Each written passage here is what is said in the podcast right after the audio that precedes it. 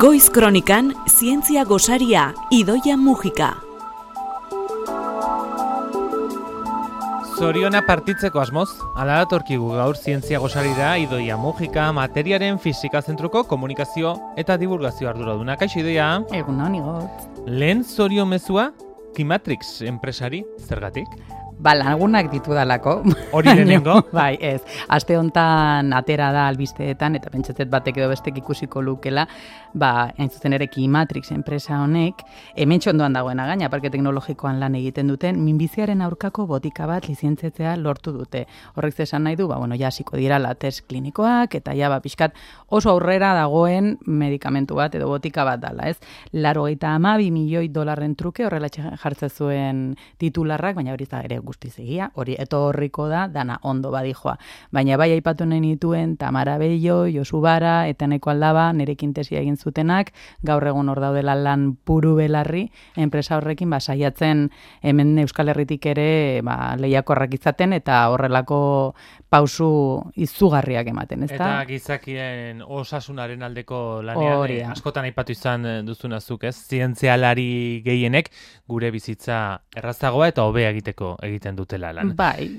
Eta bigarren zorio mezua, gaurko gaina guzia lortu dutenei. Giza genoma guztiz irakurtzea lortu dutenei. Hori izango du gaurko gaina guzia, eta idoia bakarren batek esango du nitartean. Baina hori ez altzegoen bat jada egina. Nik ere aitortu behar dizut hori pentsatu nuela, baina aste hauetan argitaratu da albitestea da, eta dirudienez, ba, berriz ere gertatu zaigu, ba, titular oso pomposo bat egin nahian, horrelako esaldi bat eraikitzen dela, ja, gai gara erakurtzeko dene guztia. Gero, xetasunak irakurtzen dituzunean ikusten duzu ez zala guztiz egia. 2002an, iragarri zen, beraz, pentsa, ia hogei urte da, iragarri zela, giza genoma irakurri zela. Hori da, baina ere gauzpen bat zegoen, ez, esaten nizuena, ezan guztiz egia. Genomaren informazio guztia biltzea ez da ainerresa, bat zeuden utxune asko, bete gabe gabeko eskualdeak. Gaina sarritan errepikakorrak diran sekuentzia batzuk eta nahasi ziran hori irakurtzeko. Egia izan daitekena da agian bazaterik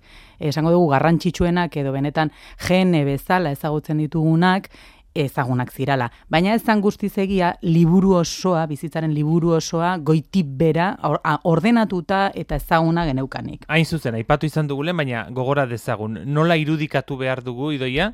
Genoma bat. Bai, metaforarik errexena, hain zuzen ere da, ba, imaginatzea liburu kolekzio bat, ez? Liburu sorta bat, bilduma bat. Eta liburu horiek lirateke ADN guztia, hor daukagun informazio guztia. Itzez hitz, hitz horiek osatzen dituzten letra bakoitzei zientifikoki nukleotidoak e, deitzen diegu, baina letrak dira, eh, benetan. Sorta zabal batek osartzen du e, bilduma hori, eta bildu egiten dira kromosometan. Kromosoma horiek izango lirateke, ba, liburu horien kapituluak, bai, edo tomo bakoitza esateko. Bale, kromosoma bakoitzak geneak ditu. Hau da, paragrafoa guk irakurri ditzazkegun ulerkorrak diran sekuentzia batzuk, ez? Geneak deitzen diegula. Eta gaina geneak oso garrantzitsua dira, zein zuzen ere dira justu kodeatzen dutenak zein proteina izango ditugun izaki bakoitzak. Eta benetan sinistu hau dala definitzen gaituena espezie bezala. Zein proteinak ditugun. Proteina horiek esango dute zu igozerala, ni doia naizela, zu dauzkazula begia kolore batekoak, ni dauzkadala beste kolore batekoak, bat zure metabolismoa batekoa izango dela, edo tximu bat zerala, edo elefante bat, edo denakoa. Izan ere oso, ezberdina izan liteke, e, gizakien eta animalien hemen datu batzuk e, ekarri dituzu. Batetik hori, ez daudela bi genoma berdin-berdinak, ez? Ez, ez daude, ez daude bi genoma berdin-berdin. Adibidez, ba, elefante batek jaten duen belarraren eta bere esteetan dagoen bakterioen informazio genetiko forma, berdina da, denea da kasu guztietan, baina zuk esan bezala ez daude bi genoma berdin eta ez dira egon behar bestela dana berdinak izango ginateke. E, muturretara jun naiz eta topatu dut bai. nasuia deltocefalinikola intsektuetan bizi den bakterioaren genoma oso simplea dela, adibidez, eunda hogeita mazazpi gene ditu. Besterik ez. Eunda amabi mila nukleotidotan, da, eunda amabi mila letrekin idatzitako informazioarekin nahikoa da izaki bat izateko. Baina beste batzuk, adibidez, beste muturrera jungo gea, Paris Japonika landareak, eunda berrogeita bederatzi mila milioi nukleotido ditu. Hau da, bere liburua letra guzti horiek behar ditu. Eta sekuentzia da hain luzea, ba, zenba gene dituen asmatzea ere ez dala erresa eta ba, ez da behintzat hortan ikertu. Hala ere, atentzia ditu diten beste datu bat, agian ez dugu nahikoa aipatu da, edozen gizakiaren, denearen, euneko bia baino gutxiago geneak dirala. Hau da, gero aipatu deguna proteinetan espresatuko dana eta informazio txiki txiki txiki txiki horrekin horretan dago gordeta ba gure zaugarri nagusiak. Hori da. Aipatu ditugu landare baten eh, DNA hori zeinen handia ta zabala zen, zeinen txikia intsektu baten barruan bizi den bakterio batena eta gizakiena zenbakitan? Bai, nolakoa zan gure erronka, ez? E, irakurtze irakurri behar genuen. Bueno, ba, giza genomak 3000 milioi nukleotido dauzka. Landare horrekin konparatuta gutxi, baina intsektu batek egin konparatzea asko. Eta eun, hogei mila jene baino zertxa bat gutxiago dauzka. Da gaina, e, jene hoiek, esan dizuet ja aurretikan edo zen gizakietan euneko bia baino gutxiago dala, ba gure kasuan eun, e, genoma osoaren luzeeran euneko batak definitzen ditu bakarrikan geneak. Beste guztia ez da proteinetan espresatuko euneko laro geita emeretzia, batzuk beste gene batzuen funtzionamendua kontrolatzen e, zentralita gisa funtzionatzen dute. E, erregulatzaileak dira esan dezakegu, zati hoiek. Beste batzuk funtzionatzeko gaitasuna galdu dute eta pseudogeneak dira edo erlikia genomikoak. Giza genomaren erdia baino gehiago errepikakorra da oso garrantzitsua da. Errepikatzen da sekuentzia. zer da errepikakorra izatea? Tan denetan behin eta berriz errepikatzen diren blokeak dira, satelite izenekoak dira. Oida, e, imaginatu zuek liburu bat hartzen dezuela eta liburu horretan behin da berriz esaldi berdina errepikatzen da, errepikatzen da, errepikatzen da, eta ez dezu gondo lertzen zer esan nahi zizun egileak horrekin, baina hor dago, errepikatzen da. Askotan kokatzen dira kromosomet muturretan, telomero izeneko eremuetan, eta eskualde horietan daudenean kromosomaren degradazioa babesten dute.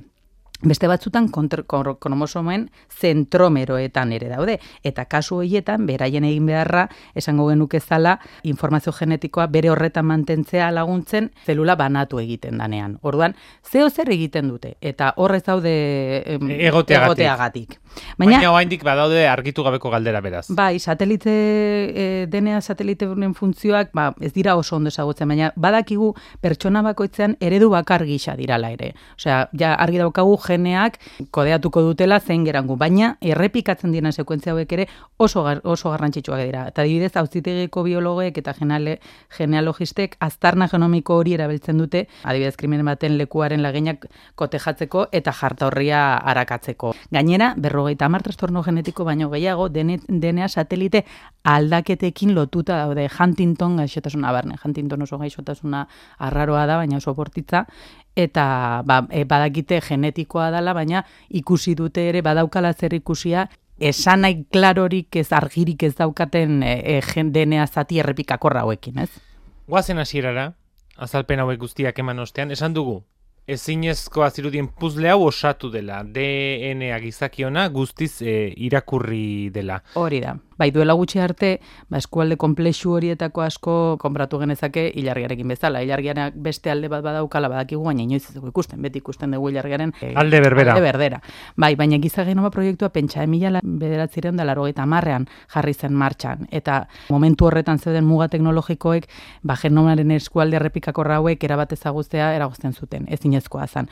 Zue pentsa, bosteun nukleotido inguru bakarrik irakur zitezkeela. Zuek imaginatu, ba, hori, hau da makina bat bezala, letraz letra irakurtzen joan behar dela. Baina zati horiek bosteunaka gehienez irakur zitezken. Orduan, karo, errapikatzen den zati hau, handiagoa baldin bada, zuk ezakizu nun hasten dan eta nun bukatzen da. Ze azken finean, benetan genetistek egiten duten lana da, saiatu irakurtzen zatitxo bat eta esaten, bale, zer dauka zentzua, zer etorriko litzateken orain, ez? Ba, historia honetan, ba, solapatu gain jarri egiten dituzte zatitxo horiek eta horrela osatzen zuten. Azken finean puzle bat bezala da.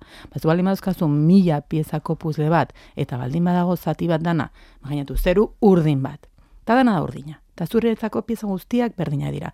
Nola esango duzu zein datorren bata bestearen atzetik eta badiru gaina hori garrantzitsua dela. Naiz eta men errepikakorrak dirala, oso garrantzitsua da jakitea Lehen aipatu dugun bezala, ezta? Bai, e, orduan noiz etorri dan benetazko iraultza, ba gai izan geranean teknologikoki 500 nukleotido inguru bakarrik irakurri beharrean, badibidez, mila letrako zatiak ja irakurtzea. Orduan, ondorioz gure puzlea, ba, mila piezakoa izatetik, eun piezakora e, pasako litzateke ma, gradu horretan, ez? Telomeroz telomero patzuergoa osatu zen, T-bite ditzen da, eta gizan genoma muturretik muturrera ikurtzeko gai izan zirela, adierazi zuten ja, bi mila hogeita batean. Iaz. Bai, iaz. Beraz, hogei urte pasa dira, ia gutxu gora bera ipatu egun bezala, ba, lehenengo albiste hori 2002an eman zanean, hogei tamar proiektua martxan jarri zala, benetan irakurketa luzea izan da, eta teknologikoki ba, oso erronka handia ez da. Eta orain ja publikatu da, eta gero pasa beharko dute beste ez dakizen bat urte, eta hori ikasi dugu zurekin tarte honetan, horren aplikazio zehatzak ikusteko, baina baina bere garrantzia zalantzari gabe hortxe bai. geratzen da. Ba, gure denbora ere bai, onaino. Ez dakigu saio baten DNA nola neurtu, baina irratiarena segundutan ere neurtzen da, eta gaurkoako naino vale, eman espero gaurkoa oso luzea ez, ez egin izan. Idoia, Mujika, eskerrik asko. Zuei. Atxeden hartu. Berdin. Eta aste santuetako porren ostean berriz eh, elkarrentzungo dugu. Noski.